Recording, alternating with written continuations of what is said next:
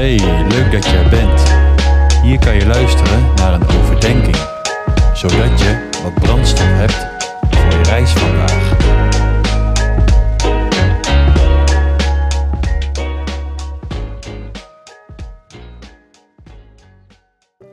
Hey, welkom bij Brandstof, aflevering 30. Goed dat je weer luistert.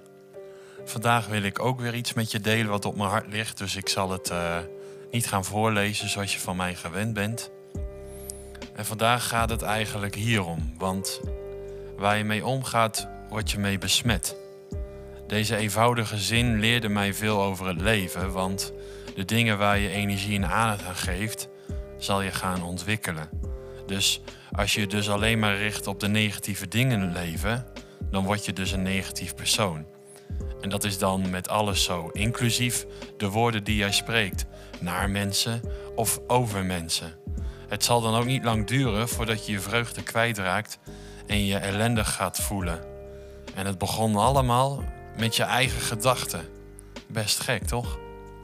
En misschien ervaar je bepaalde problemen in je leven en realiseer je niet dat je ze zelf creëert met dat waar je je gedachten mee vulde.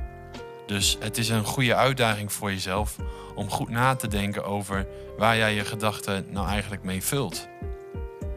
Gek genoeg kan je dat zelf sturen en kan je dus kiezen wat je denkt en hoe je ernaar handelt. Jezus is liefde en wil niks anders dan dat jij op je best bent. En dan is er de realiteit dat we leven in een gebroken wereld, waardoor de duivel de kans dus krijgt om met je gedachten te gaan spelen.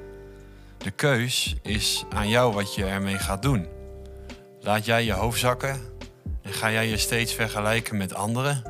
Of ga je staan voor wie je bent in Hem en dat Hij je hemelse papa is en jou niks kan en zal overkomen? En ik denk ook dat je mag weten dat jij zijn kind bent en juist in die kwetsbaarheid en nederigheid hierin je weg vinden. En je bent daarin ook niet alleen.